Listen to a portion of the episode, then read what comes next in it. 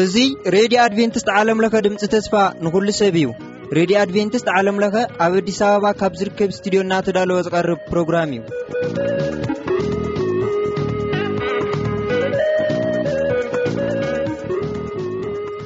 ሰላም ከመየለኹም ክብራት ሰማዕቲ እዚ ኩሉ ግዜ በዚ ሰዓት እዚ እናተዳለወ ዝቐርበልኩም። መደብ ህያው ተመክሮ ክቐርበልና እዩ።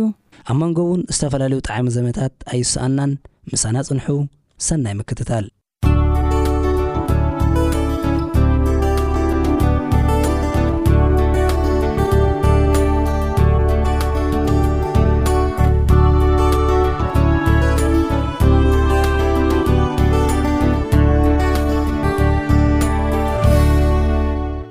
ሰላም ተኸታተልቲ እዚ ዝተፈላለዩ ጋሻ ብምዕዳም ምስክርነት ኣሕዋት እግዚኣብሔር ኣብ ተሞክሮ ህይወቶም ታሪኽ ህይወቶም ዝገበሮም ዛንታታት እንዛረበሉ መደብ እዩ። ሎሚ ከምቲ ወትሩ ድማ ሓደ ጋሻ ሒዘልኩም ቀሪበ ኣለኹ። እዚ ጋሻ ፍሉይ ጋሻ እዩ። ንዓይ ከዓ ኣዝዩ ቀረባ ሓወይ ዓርከይ እዩ። ምናልባት መን እዩ ከመይ ነይሩ ታሪክ ዛንትኡ ህይወቱ ብሓባር ኮይንና ክንሪኦ ኢና። ሕራይ ተኸታተልቲ መደብና እምበኣር ነዚ መደብና እግዚኣብሔር ምሳና ክኸውን ጸሎት ጌርና ክንጅምሮ ኢና እሞ ንጸሎት ኣርእስና ነድንን። ቅዱስን ዘለዓለማዊን ጻድቕን እግዚኣብሔር ኣቦ ብወድኻ ብኢየሱስ ክርስቶስ ስም ነመስግነካ ኣሎና። እንሆ እቲ እስኻ ዝገበርካልና ዘበለ ኩሉ ከነዘንቱ ክንነግር ኣብዚ ቦታ እዚ ተረኺብና ኣሎና። እንሆ ኣነን ሓወይን ኣብ ቅድሜኻ ነቲ ዝገበርካልና ነገራት ክንዝክር ከለና ንዝከታተሉናን ኩሎም ኣሕዋት ክትባርኾም ንጽሊ ኣሎና። እግዚኣብሔር ኣቦ ጀሚርና ክሳብ ንውድእ ብመንፈስካ ምርሓና። እቲ ናይ ሕይወት ተሞክሮታትና እቲ ንስኻ ዝገበርካልና ነገራት ንኣኻ እናነኣድና እናመስገና ንኻልኦት ዝባርኽ መደብ ከነቕርብ ርድኣና ምሳና ኩን ኣይትፈለየና ብሽም የሱስ ኣሜን። ሕራይ እምበኣር መን እዩ እዚ ጋሻ ትብሉ ትህልው ትኾኑ እዚ ናይ ሎሚ ጋሻይ ካልእ ሰብ ኣይኮነን ምስጉን እዩ። ምስጉን እንቋዕ ደሓን መጻኻ። እንኳዕ ደሓን ፀናሕካ ሰምሃር። ድሕሪ ነዊሕ ግዜ ተራኺብና ኣለና ስለዚ እግዚኣብሔር ይመስገን እሞ ታሪኽ ህይወትካ ክተካፍለና እቲ ዝሓለፉ ነገራት እግዚኣብሔር ዝገበረልካ ክተዘንትው ሓባር ኣብዚ ቦታ እዚ ክትመጽእ ዕድመና ስለ ዘኽበርካ እግዚኣብሔር ይባርካ። ጽቡቅ እምበኣር ምስጉን ሓወይ ሽምካ ምስጉን ኣይኮነን ናይ ቀብጥረት ሽም እዩ እስኪ ነዞም ተዓዘብቲ መደብና ምስግና መን እዩ ንዝብል ሓጺር ድሕረ ባይታኻ ክትገልጸሎም ዕድል ክህበካ። ኦኬ ምስግና ተስፋማርያም ተኽልኣብ እበሃል ኣብ መቐርካ ንኡስ ዞባ ሰረጀቓ ተወሊደ ምስ ፋሚልየይ ከኣ ካብ ንእሽተየይ ኣብኡ ዓብየ ማለት እዩ። ሕሳስ ልደ ዲኻ ናይ ገዛኹም? ኖእ ማእኸላይ። ማእኸላይ ኣብ ፅቡቕ ቦታ ኢኻ ዘለኻ። ማእኸላይ ፅቡቕ ምስኪ እውን ከመይ ነይሩ እቲ ኣተዓባብያ ህይወትካ ከመይ ነይሩ ናይ ቁልዕነት ናይ ንእስነትካ ግዜ? ኣምላኽ ይመስገን ኣብቲ ዝነበርኩዎ ዓዲ ምስ ስድራይ ኣቦይን ኣደይን ምስ ሽዱሽተ የሕዋተይን ዓብየ። ብጣዕሚ ጽቡቅ ዝኮነ ሂወት ኔርና ስሙር ዝኮነ ወይ ከኣ ፍቅሪ ምስ ኣሕዋተይ ዝኮነ ኔርና ኣምላክ ይመስገን ብጣዕሚ ጽቡቅ እዩ ኔሩ። ክንደይ ኣሕዋት ኢኩም ዘለኩም ብሓባር? ምሳይ ሸውዓተ ማለት እዩ። ሻውዓይ እየ። ንስካ ሻውዓይ ርእስካ ኣሕዋት ኣለውካ ጽቡቅ መቀርካ ከመይ ኔሩ ንኣተዓባብያካሲ? እንታይ ዓይነት ጽልዋ ነይርዋ? ብጣዕሚ ጽቡቕ እዩ ነይሩ። ሓረስቶት እዮም ነይሮም። ኣብ ትሕቲኦም ብሕርሻ ኢና ንነብር ነይርና። ካብቲ ደስ ዝብለኒ ከኣ ኣብ ሕርሻ ዝፈትዎ ሞያ ኣብ ሕርሻ እየ ምስ ኣሕዋተይ ምስ ስድራይ ዝዓቢ ነይረ። ካልእ ሞያታት ዋላ ነይሩ፣ ዋላ ሸቐጥ እየ እሽቅጥ ነይረ፣ ህንጻ ንሃንጽ ነይርና፣ ግን ኣዝየ ዘፍቅሮ ዝፈትዎ ኣብ ሕርሻ እዩ ነይሩ። ብሕርሻካ ብጣዕሚ ዘፍቅሮ ደስ ዝብለኒ ዘዕበየኒ እዩ።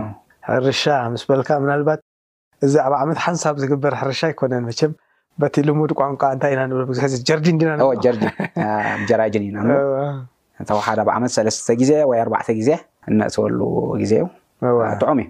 ምስቲ እተዕብዮ ምስቲ ተፍርዮ ንግሆ ወፊርካ ምሸት ኢኻ ትኣቱ ምስ ኢኻ ክትቃለስ ትውዕል ኣዝዩ ባህ ደብል ደስ ደብል እዮ ከዓ ኣብ ዓመት ሲ ኣርባዕተ ሻዕ እትዋት ኣለዎ ንፉዕ ሓረስታይ ይኸውን ዝገብር መስለኒ ሓቀይ እያ ንፉዕ ጀርዲናሪ እንተኾንካ ኣብ ዓመት ሲ ኣርባዕተ እትዋት ተእቱ ኣለካ እዋ እቲ ትዘርኦ ኣዝርእቲ ይፈላለዩ ገሊኡ ኣርባዕተ ወርሒ ዝወስድ ኣሎ ገሊኡ ከዓ ክልተ ወርሒ ዋላ ሰለስተ ወርሒ ዝወስድ ኣሎ ስለዚ ኣብ መንጎኡ ከኣ ጠጠው ኣቢልካ ንዕኡ ክተብሎ ትኽእል ኢኻ። ተወሓደሲ ሰለስተ ግዜ ኣብ ዓመት ተእትወሉ ትኽእል ኢኻ ማለት እዩ። ስለዚ ኣብኡ ሕርሻ ጀርዲን እናገበርኩም ደሓር እቲ እትዋት ከኣ ነስመራ መጺኹም ትሸጥዎ ኔርኩም። Yeah ነስመራ መጺና ንሸጦ ኔርና ማለት እዩ። ሓደ ተዘክሮ እዝክር ምናልባት ኣሕዋትካ ደሓር ክትነግረና ትኸውን ኢኻ ብዛዕባ ማማን ባባን እውን ከነምጽእ ኢና ግን ሓንቲ ፍጻሜ ይዝከረኒ ኤልሳ ሓፍትኻ ኤልሱ ሓደ ግዜ መጺኣ ብዛዕባኻ ኣማኺራትኒ ነይራ። ገለ ዝኾነ ሓገዝ ትሕግዘካ እሞ ምሻሎ ገለ ኣብ ጽቡቕ ደረጃ ምእንቲ ክትበጽሕ ብፋይናንስ ውን ክትሕግዘካ ደልያስ ኣማኺራትኒ ነይራ ከምዚ ሞተር ክትገዝኣልካ። እስኪ ኣብኡ ዘሎ ታሪኽ እስከ ቁሩብ ኣዘኻኽረኒ። ኣብ መንጎ ኣሕዋትካ ዘሎ ኤልሳኻ ዝያዳ ስለ ዝፈልጣ እዚ መደብካ ትከታተሎ ትኸውን። ሕጂ ኤልሳ ከም ዋና ናይቲ ገዛ ትረኣ ነይራ ኣብቲ እዋን እቲ። እስኪ እቲ ሃዋሁ ናይቲ ስድራ ቤት ከመይ ነይሩ? ኣዎ ኣምላኽ መስገን ኣዎ ኤልሳ ሓፍትና ከም ቦኽሪ ናይ ገዛና ብጣዕሚ ኢና ንፈትዋ ብጣዕሚ ኢና ነፍቅራ ኣብ ኩሉ ንገብሮ ምቅስቃስ ናይ ሂወትና ከኣ ብዙሕ ጽልዋ ኣለዋ ንጽቡቅ ነጋራት ማለት ንጽቡቅ ነጋራት ናይ ኩሉ ነገር ትሓስብ ማለት እዩ ሰለዚ ኣብቲ ግዜ እቲ ኣብ ሕርሻ ኣብ ድገብሮ ዝነበርኩ ነገር ወላ ሓንቲ ከምዚ ሞተር ገለ ስለ ዘይነበረ እቲ ዝነበረና ከኣ ካብቲ እንገብሮ ብዝለዓለ ኣስፊሕና ምእንቲ ክንገብር እዚ ዓይነት ሓሳብ እዚ ምስ በልኩዋ ምስ ረኣየት እቲ እንገብሮ ነበረ ኣባና ንጥፈታት ምስ ረኣየት እዚ ነገር እዚ ሓሳብ ሓሲባ ኣምላኽ ይመስገን ጌራትልና ከኣ ጌራቶ ጽቡቅ ከኣ ከድና። ሽዑ ከም ዝዝከረኒ ኤልሱ ብሓንሳብ ምሳኹም ኣይትነብርን እያ ነይራ እሳ ኣስመራ እያ ነይራ ንስኹም መቀርቀር ኣለኹም። ከመይ ኢሉ እዚ ሓሳብ እዚ መጺኡዋ? እወ ምሳና ኣይትቕመጥን እያ ግን ዝያዳ ትመጽእ ወይ ከኣ ነንሕድሕድና ንከፋፈል እቲ ሓሳብ ስለ ዝኾነ ብዝያዳ መናባብሮና እንተ ከመይ ምዃኑ እንታይ ምዃኑሲ ኣጸቢቓ ትፈልጦ እያ እቲ መናባብሮ ናይ ገዛና ማለት እዩ እንታይ ንገብር እንታይ ነብል ኣለናሲ ኣጸቢቓ ስለ እትፈልጦ ብዙሕ ክሳይ ዝኾና ነገራት የብላን ኤልሱ እጂ ቦኽሪ ድያ? እያ ኤልሱ ቦኽሪ ናይ ገዛና ብጣዕሚ ንፈትዋ እነኽብራ ሓፍትና እያ።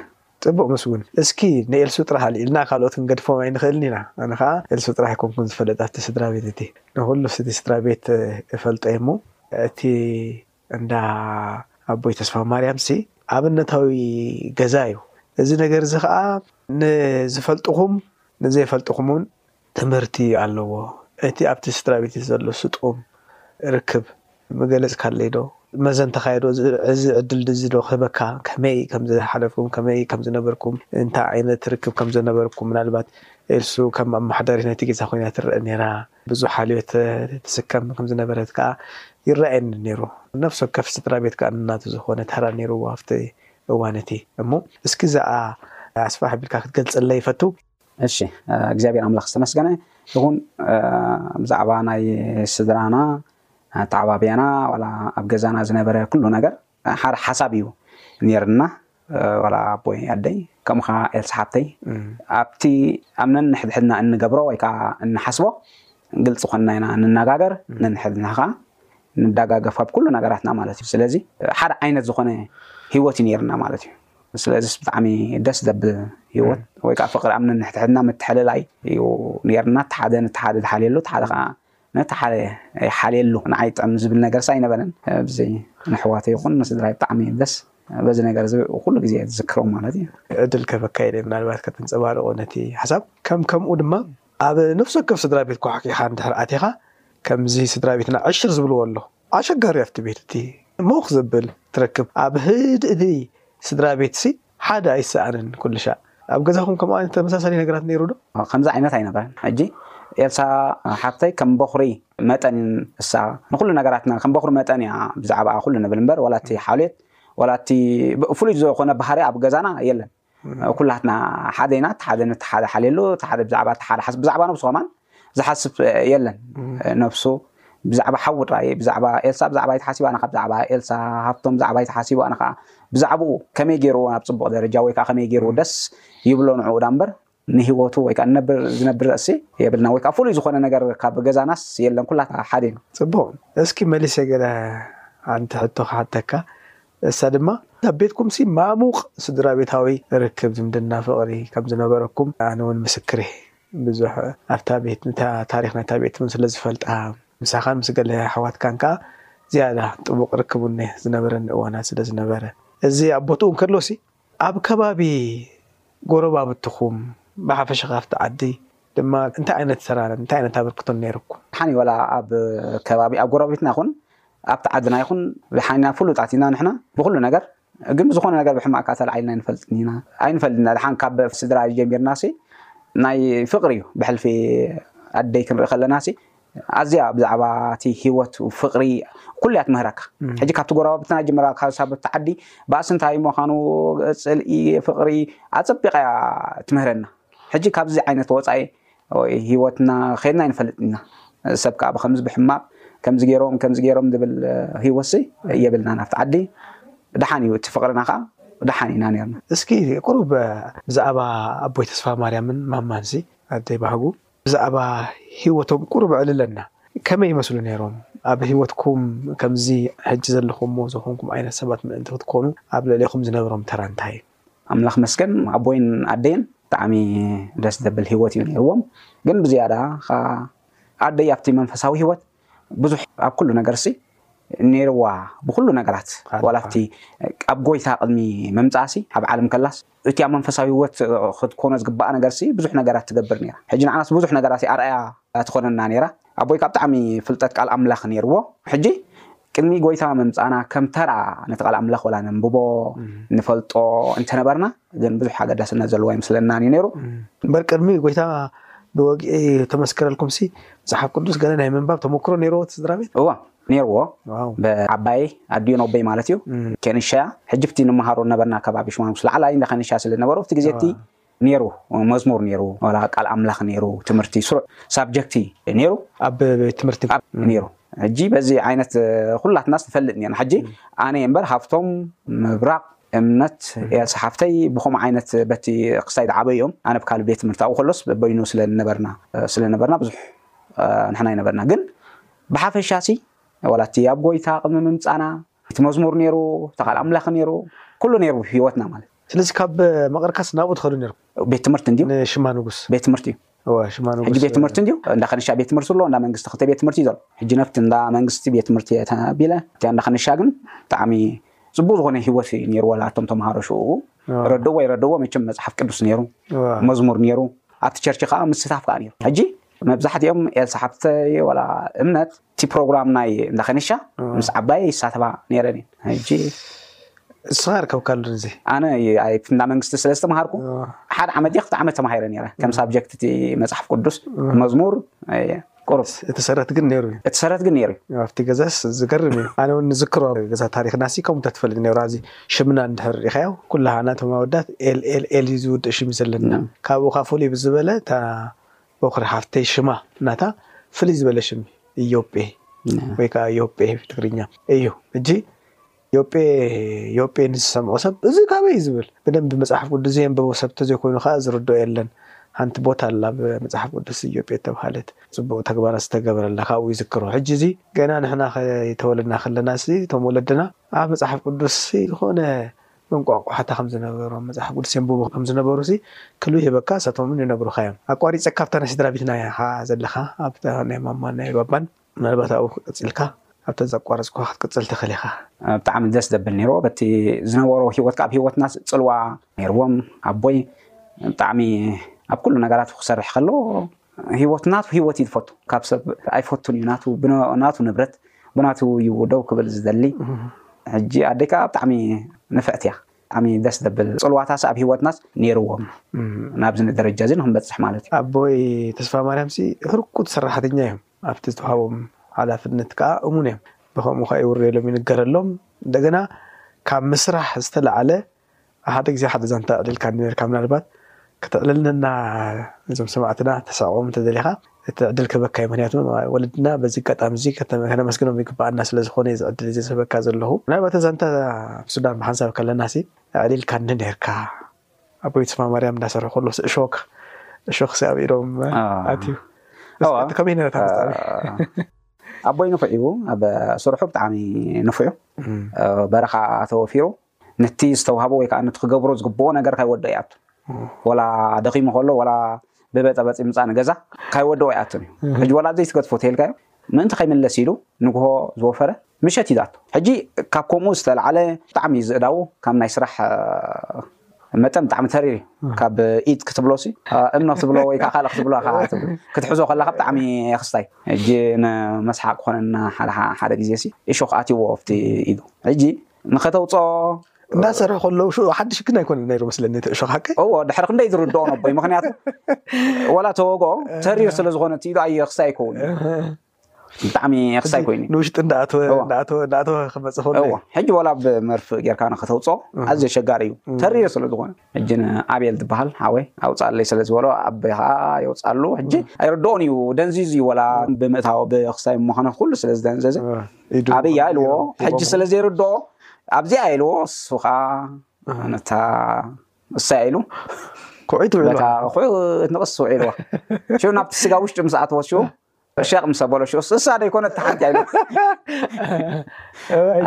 ብጣዕሚ ንሕና ከዓ ብጣዕና ንስሕቕ እዚ ኩሉ ድኽም ውዒለስ ኣይርድኣካን እዩ ንበሎ ኣይ ክርድኦ ኣይክእልን እዩ ብጣዕሚ ተሪር እዩ እቲ ዕዳው ሽዑ ካልኣይ ግዜ ናብቲ ካልኣይ ሓንቲ ግዜ ኸይዱ ናብቲ ማለት ሓንቲ ኸይዱ ማለት እዩ እዩ።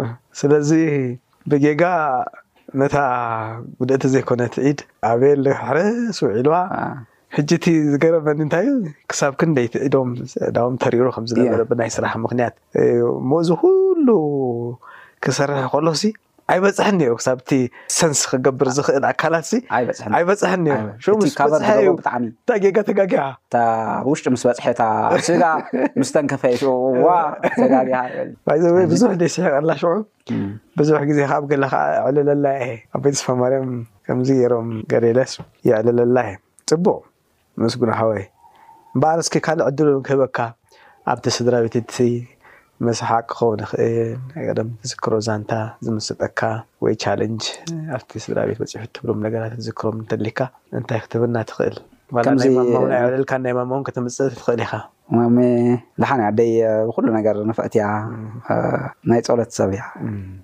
ሓደ ሓደ ግዜ ክትጽሊ ከተንብብ ከምኣ ኢላ ትሓድር ትውዕል። ሕጂ ኣብ ገዛና ኩላትና እንተ ተኣኪብና ኣብ ሕልፊ ዝሓለፈ ሂወት እንዳ ዘከርና ኢና ብምልእና ንስሕቅ። ነናትና ታሪክ ኣለና እቲ ሓደ ከምዚ ጌርካ እቲ ሓደ ከምዚ ጌርካ እቲ ሓደ ከምዚ ጌርካ እንዳ በልና ኢና ንስሕቅ። ናይ ኣደይ ከኣ ኣዝያ ትጽሊ ከተንብብ መዓት እያ ሕጂ እንዳ ጸለክ ሓደ ሓደ ግዜ ትድቅስ እያ ሕጂ እቲ ከድሞ ኮይና ትጽሊ ኔራ ሕጂ እንዳ ጸለየት ከላ ካብቲ ከይት ድቅስ ኢላ ደው ኢላ ትጽሊ ብክስታይ ኮይና ማለት እዩ ሕጂ እቲ ንእዲ ካብዚ ናብዚ ንውሓት እዩ ሕጂ ተንበርኪ ከትጽሊ ነራ ድቃስ መጽዋ ካብዚ ናብዚ እንዳኸደት ሽነዊሕ ግዜ ምስ ተጓዕዘት ተደናጊራ ሕጂ ካብዚ ናብዚ ከይዳ ሕጂ ካብኡ ናብኡ ምስ ከደ ተሸፊና ስለ ዝነበረት ካብቲ ዝነበረቶ ፀዲፋ ፀዲፋ ሕጂ እቲ- እቲ እቲ- እቲ ንውሓት ናይዚ ሲ ናብዚ ነዊሕ እቲ ንእዲ እዎ ካብዚ ናብዚ ነዊሕ ሕጂ ነዊሕ ምስ ፀለየት ካብዚ ናብዚ ሕጂ ሓንቲ ሓፂ ሩ ስጉማ ሓንቲ ስጉምቲ ካብዚ ናብዚ ምስ ከዳ ሓንቲ ስጉምቲ ምስ ከደት ፀዲፋ ካብኡ መደብ ኣሎ ናብ መሬት ወሪዳ ሕጂ ናይ ምስዳፋ ደይኮነ ናይቲ ተኸዲናቶ ዝነበረት ኮቦርታ ነፀላ ከረው ኣቢለ ሕጅዋ ሰብ ከዓ ኣይነበረን እዛ ስምባድ ኣሎ ብፈትሓ ስኢና ከሮ ኣቢለ ሒዝዋ ኣሉ ከምዚ ኮይነ ምስ በለት እናሽዎም ብጣዕሚ ኣነ ማማ ዝክራ እዩ ማማ ከዓ ተንበርኪካ ትፅሊ እሞ ሓልዮት ኣለዋ ክትፅሊ ከምዚ ዝበልካዮ ናይ ፀሎት ሰብ እያ ነይራ ሕጂ ግን እንታይ እሞ በታ ዝተምበርከኸታ ባእ ትድቅስ። ንሓንሳብ መጺእና እንድሕር ዘይተስእናያ ወይ ከኣ ቅድሚ ኩሉ ሰብ ቅድሚኣ እንድሕር ደቂሱ እንድሕር ኣብ ፍርቂ ለይቲ ዘይተስእኻ ምሉእ ለይቲ ተብግሖ ከምኣ እያ ተምበርኪኻ። ሕጂ ሓደ ሓደ ግዜ በቃ ጭንቕ ምሽ ይብለኒ ማማ ጎይታ እኮ ናይ ግድን ምሉእ ለይቲ እያ ኣውጊሕኹም ጸልዩለይ ኣይብልን'ዩ። በቃ እታ ሓጻር ኣመስግነካ'የ ትብል እንድሕር ኢልክያ ጸሎት ከም ዝወዳእኩ ሕሰብ ይብላ ነይረ ወዲእኺ ኣለኺ ጸሎት ኣመስግነካ እየ ምክንያቱ እግዚኣብሔር ካብቲ ንብሎ ንብሎ ንሓስቦ ኣብ ውሽጥና ዘሎ ነገራት እዩ እሱን ጸሎት እዩ ንርእሱ ገለ ኢለያ መቸም ከምኡ ኢላ ክትጽሊ ይግባኣ እዩ ግን ካብቲ ብስጋዊ እንትጉዳእ ከይትህሉ ብምባል ዘምጻእክዎ ሓሳብ እዩ ማለት እዩ። እሞ ናይ ማማ ከኣ እቲ ንእድሲ ነዊሕ እዩ ነይሩ ናብ እዚኖ ገና ኣለኹ ኣብኡ እየ ዘለኹ ኢላ ክሳብ ተመስጦ እኮ እየ ዘርእየካ እዚ ክሳብ ክንደይ ኣብቲ ጸሎት ተመሲጣ ኣላ ኣብቲ እትብሎ ኣብቲ ናብ ኣምላኽ ከተቕርቦ እትደሊ ነገራትሲ ብዙሕ ተመሲጣ ምህላዋ ዘርኢ እዩ እሞ ንቨርቲካል ድያ ንሆሪዞንታል ትኸዶ ዝነበረትሲ ተቐይሩዋ እዩ ከምኡ ኮይኑ ብርግጽ እቲ ፍጻሜ ዋላ እኳ ዘስሕቕ እንተኾነ ግን ክንመሃረሉ ንኽእል ነገራት ኣሎ ክሳብ ክንደይ ኣብ ጸሎት ተመሲጣ ማለት ሲ ከምኡ ዓይነት ተመስጦ የድልየና እዩ ክሳብ ክንደይ ክንመሰጥ ይግባኣና እዩ ብርግጽ እሞ እግዚኣብሔር ይመስገን ስለ ዛንታ ምናልባት ካልኡን ታሪክ ህልወካ ከውን ኣብቶም ኣሕዋትካ ናይ መወዳእታ ዕድል ክህበካ ዝያዳ ኣብቶም ስድራ ቤት ኢና ሕጂ ነዕልል ዘለና ኣብቲ ኣተዓባብያኻ እቲ ንእስነትካ ዝወሰዶ ኩነታት እግዚኣብሔር ከኣኡ ዝገበረልካ ብዙሕ ነገራት ኣሎ እሞ ከም ኣብ መወዳእታ ኣብዚ እትብሎም ነገራት እንታይ ኣለዉኻ? ንያ ኣምላኽ መስገን ብዙሕ እዩ ዘሎ ማስ ክዚ ከምዚ ኮፍ ኢልና ክንእክብ ከለና ኣዝዩ ዘስሕቕ ባህ ዘብል ብዛዕባ ዘሕለፍናዮ ብዛዕባ ከም ንእስነትና እታ ዘብለናዮ ግዜ እንዳዕለልና ክንእከብ ከለናስ ኣይርድኣናን እዩ ኣዝዩ ብጣዕሚ ባህ ዘብል ነገራት ኢና ግዜና እነሕልፍ ኩላትና ማለት እዩ። ጽቡቅ ሓንቲ ሕቶ ክውስከካ ኣብኡ ከለና ግን ናብ ካልእ ከተሰጋግረና ትክእል እዚኣ ሕቶ እዚኣ ኣንተ ኣብቲ ሓሳብካሲ ምስቲ ጎረባብትና ብጽቡቅ ስም ንለዓል ኔርና ገለ ኢልካኒ ኔርካ እሞ እስኪ ሓደ ታሪክ ክዝክር እያ እቲ ጎረባብትሲ ብጽቡቅ ዘይተራኣኩምሉ ሓደ እዋናት ኔሩ ሓቀይ ድየ? Yeah። እንታይ ኔሩ እስኪ ብዛዕባኡ እልለና። ብዛዕባ እዚ ጉዳይ ቅድሚ ናብ ጎይታ ምምጻና ዋላ ድሕሪ ናብ ጎይታ ምምጻና ዝተለወጠ ነገራት የለን ግን እቲ ሰብ ኣብቲ ዘለዎ ናቱ ኣረኣእያ እዩ ማለት እዩ ቅድሚ ናብ ጎይታ ምምጻና ብጣዕሚ በቲ ንገብሮ ንነበርና ዋላ ስድራይ ዋላ ኣደይ ብሕልፊ ኣብቲ ዝነበረና ናይ ኦርቶዶክስ እምነት ሕልፍ ዝበለ እምነትን ሕልፍ ዝበለ ቅንኣትን ጽምኣትን እዩ ኔርዋ። ትገብሮ ዝነበረት ከኣ ብትኽክል ብሓቅን ብጽምኣት እያ ትገብሮ ኔራ። ሕጂ ኣነ ማራ እዩ ዝምስጠኒ ብጣዕሚ እዩ ዝምስጠኒ ኔሩ እቲ ትገብሮ ዝነበረት ኸመይ ዓይነት ቅንኣት ከመይ ዓይነት ድሌታት ከም ዘለዋ ኣዝዩ ዘብለኒ ኔሩ። እዚ ፍሉይ ኣጠማምታ ጎረባብትና ከኣ ድሕሪ እቲ ናብ ጐይታ ምምጻእና ድሕሪኡ። ኣባና ሕማቕ ጠመተ ወይ ከኣ ዝኾነ ብዛዕባና ካልእ ነገራት ትንታነን ሓሳባትን ከምጽኡ ክኢሎም ማለት እዩ። ስለዚ ኩሉ እቲ ኣባና ዝነበሮም ነገርሲ እቲ ካይዳና ኩሉ ነገራትና ከምኡ ኣሎ። ሕጂ እታ ብሓፈሻ እታ እምነት ምስ ቀየርና ካብታ ኦርቶቶክስ ምስ ወጻና ምስ ገደፍናያ ኣጣማምቶም ኣብ ልዕሊና ካልእ ዓይነት ተቐይሩ ማለት እዩ። ቅድሚኡ ኣብ ማሕበራዊ ናብራ ኩሉ ትተሓባበሩ ኔርኩም ኢኹም። እያ። ግን ጠንቂ ምኽንያት ናይዚ እንታይ እዮ ትብል? እምነት ጐይታ ንጐይታ ብምቕባልና እያ። እወ፣ ነዚ ከ ብኸመይ ክፈልጡ ክኢሎም? እሱ። እዚ ኣባና እሞ ብሓደ ግዜ ግሁድ ኮይኑ፣ ምኽንያቱ ምሽ ኣምላኽ መስገን እቲ ዝኾነ ነገር ኩሉ ነገር ካብ ኣምላኽ እዩ። ዋላ ንዓይ ግርም እዩ ዝብለኒ ናብ ጐይታ ክመጽእ ከምዚ ናትና ዓይነት ከኣ ፋሚሊ ምሉእ ናብ ጐይታ ክመጽእ ክሓስቦ ከለኹ። እግዚኣብሔር እንተ ዘይረዲእካ ዋላ ትሽሕን ሚእትን ቃል ኣምላኽ ፍለጦ ደኣ እምበር መግላጽ ኣምላኽ እንተ ዘይተዋሂበካ እግዚኣብሔር እንተ ዘይረዲእካ ዋላ ሓንቲ ክኾነልካ ነገራት ኣይክእልን እዩ ሕጂ ኣምላኽ ንዓና ዝገበረልናስ ፍሉይ ነገር እዩ ብጣዕሚ ዓብ ነገር እዩ ገይረልና ማለት እዩ እዚ ነገር እዚ እቲ ኣብቲ ዝነበርናዮ እምነት እንከታተሎ ወይ ከዓ እንስዕቦ ዝነበርና ነገር ብሓደ ግዜ እዩ ተቋሪፁ ስለዚ። ንኣብነት እንታይ? ንኣብነት ኣብቲ ዝነበርናዮ ሽው'ሲ በዓላት ብጣዕሚ ኢና ነብዕል ኔርና ማለት'ዩ። ካብኡ ሰለስተ ኣብ ዓመት'ሲ ተወሓደ ሰለስተ ግዜ ኔርና። ሓደ ኣብ ዓመት ዝበዓል፣ ካልኣይቲ ናይ ገዛ፣ ሓደ ከኣ ናይ ወርሒ፣ ናይ ገዛውቲ፣ እንተሓ ከኣ ናይ ወርሒ ኢልካ ዩ። ወርሒ ወርሒ ዝመጽእ ድዩ? ወርሒ ወርሒ እንዳዞረ ማለት'ዩ ኣብ ዓመት ዞረ። ወላ እቲ ሓደ ከኣ ከምኡ'ዩ። ናይ ገዛውቲ ከኣ ሰንከኣ ናይ በዓል ከም ዝዕቁን ነገር ማለት። እቲ ካብ ማሕበር ተባሂሉ ከኣ ብ ወርሒ ወርሒ እንዳ ዞረ ይበጽሓካ ማለት እዩ እቲ ግን ኣብ ዓመት ግን ዓቢ በዓል ኔሩ ዓመታዊ ኢና ንገብረሉ እንታይ እዩ ስለዚ እቲ በዓል ጋብር እዩ ድበሃል ኔሩ ጋብር እዩ ዝኸውን ኔሩ። ኣዋ እቲ ኣብና ኣረጋዊ ኢልና ንገብሮ ኔርና ወርሓዊ ኣደይ ማርያም ከኣ ወርሓዊ ናይ ገዛውቲ ስለ ዝነበረ ሕጂ እንደገና ኣደይ ካብቲ ኣዝዩ ኣብ ህይወታ እትገብሮ ዝነበረት እቲ ኣብቲ ዝነበረቶ እምነት እቲ መንፈሳዊ ህይወታ ፍልጥቲ እያ ኣብ ቤተክርስትያን ፍልጥቲ እያ ዋላ ካብተን ኣብኡ ዝነበራ ኣንስቲ ኣዝያ ብኩሉ ነገራት ፍልጥቲ እያ ፍሉይ ዘኮነ ነገራት ኣለዋ ዋላ ንባዕለን ሓደ ሓደ ግዜሲ ኢለንኣ ንሕናስ ማርያም ኢና ንብለኪ ኔርና ዝበላ ኣለዋ ግን ኩሉ ተግባራታ ከምኡ እያ ትገብር ነይራ። ማርያም ኢና ንብለኪ ነርና። እወ ትገብሮ ዝነበረት ሓደ መግለጺኣ እዩ ማለት መግለጺኣ። ከም ማርያም ኢና ንርእየኪ ማለት እዩ። እወ ከምኡ ዋው ይብላ ነይረን ማለት እዩ። እንታይ ትገብር ነይራ ከኣ ካብቲ ሓደ ትገብሮ ዝነበረት ኣብቲ መወዳእታ ሰሙን ቀዳም ዓርቢ ክኸውን ከሎ እታ ጋዝ ንብላ መብራህቲ መሊኣ ኣብታ ቤተክርስትያን ኣብኡ እያ ትወስዳ እቲኣ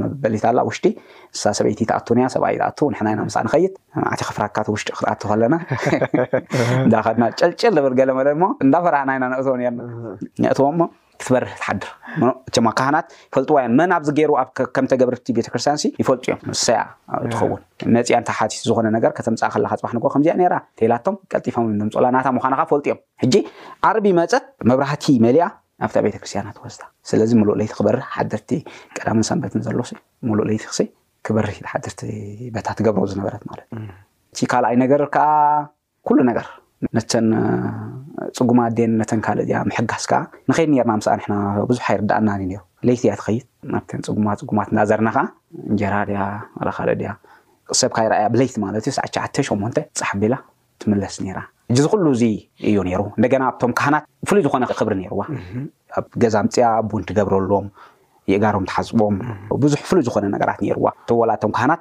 ወላ እቲ ሰብ ኩሉ እዩ ዘብላ እንደገና ብዙሕ ሕልምታት ትሓልም ነይራ እቲ ሕልምታት ከዓ ትነግሮም እሞ ጋህዲ ከዓ እዩ ዝኸውን ከምዝኸውን እዩ ከምዝኸውን እዩ ትብሎም ጋህዲ እዩ ዝኸውን ሕጂ ብከምዚ ብዙሕ ነገራት እየም ዝብልኣ ነይረን ወላ ጽልኢ ትፈቱን እያ ባእሲ ትፈቱን እያ ወላ ከይዳ እያ ልዕሊ ክስታይ ክዕረቅ ከም ዘለዎ ወይ ከኣ ከብል ከም ዘለዎ ትነግሮም እናበለት እያ ተብል ነይራ ሕጂ እዚ ቶታል ምሉእ ምሉእ ምስ ኣቋረጸ እቲ ሰናይ ተግባር ኣይቋረጸን ግን እቲ እንገብሮ ዝነበረ ሕጂ እቲ ቀንዲ መፍለጢና እቲ ዓመታዊ በዓል ወርሒ ተሪፍዎ ሕጂ ነታ ቅድሚ ናብ ጐይታ ምምጻእና ከኣ ንቲ ኣባት ነብስና ዝብሃል ኣብ ገዛና ይመጽእዩ ወርሓዊ ሶሙናዊ ዋላ ገለ ቡን ትገብረሉ እያ ሕጂ ነታ ጉዳይ ነዚ ናይ እምነት ናይ ክስታይ ዘምጻቶ ከኣ ኤልሳ ሓፍተይ እያ ሳዋ በጺሓ ምስ መጸት ብዛዕባ ትነግረና ማለት እዩ ብዛዕባ እቲ ቃል ኣምላኽ ሕጂ ኣብዚ ቃል ኣምላኽ ክትነግረና ከላ ኤልሳ ሓፍተይ ምንም ተቃውሞ ዝብሃልሲ ኣይነበረናን ወላ ኣደይ ከማን ምስቲ ዝነበራ ኣብቲ ናይ ኦርቶዶኩስ ናይ ገለ ወላ ሓንቲ ነገራት እዚ ከምዚዩ ክትብልሲ ኣይከኣለትን ኣነ ወላ ብጣዕሚ እዩ ዝገርመኒ ምሽ እግዚኣብሔር እንተዘይ ረዲኢካሲ ከመይ ጌርካ ክትቅበሎ ትኽእል እየ ኣብ ሂወተይ ምሉ ወላ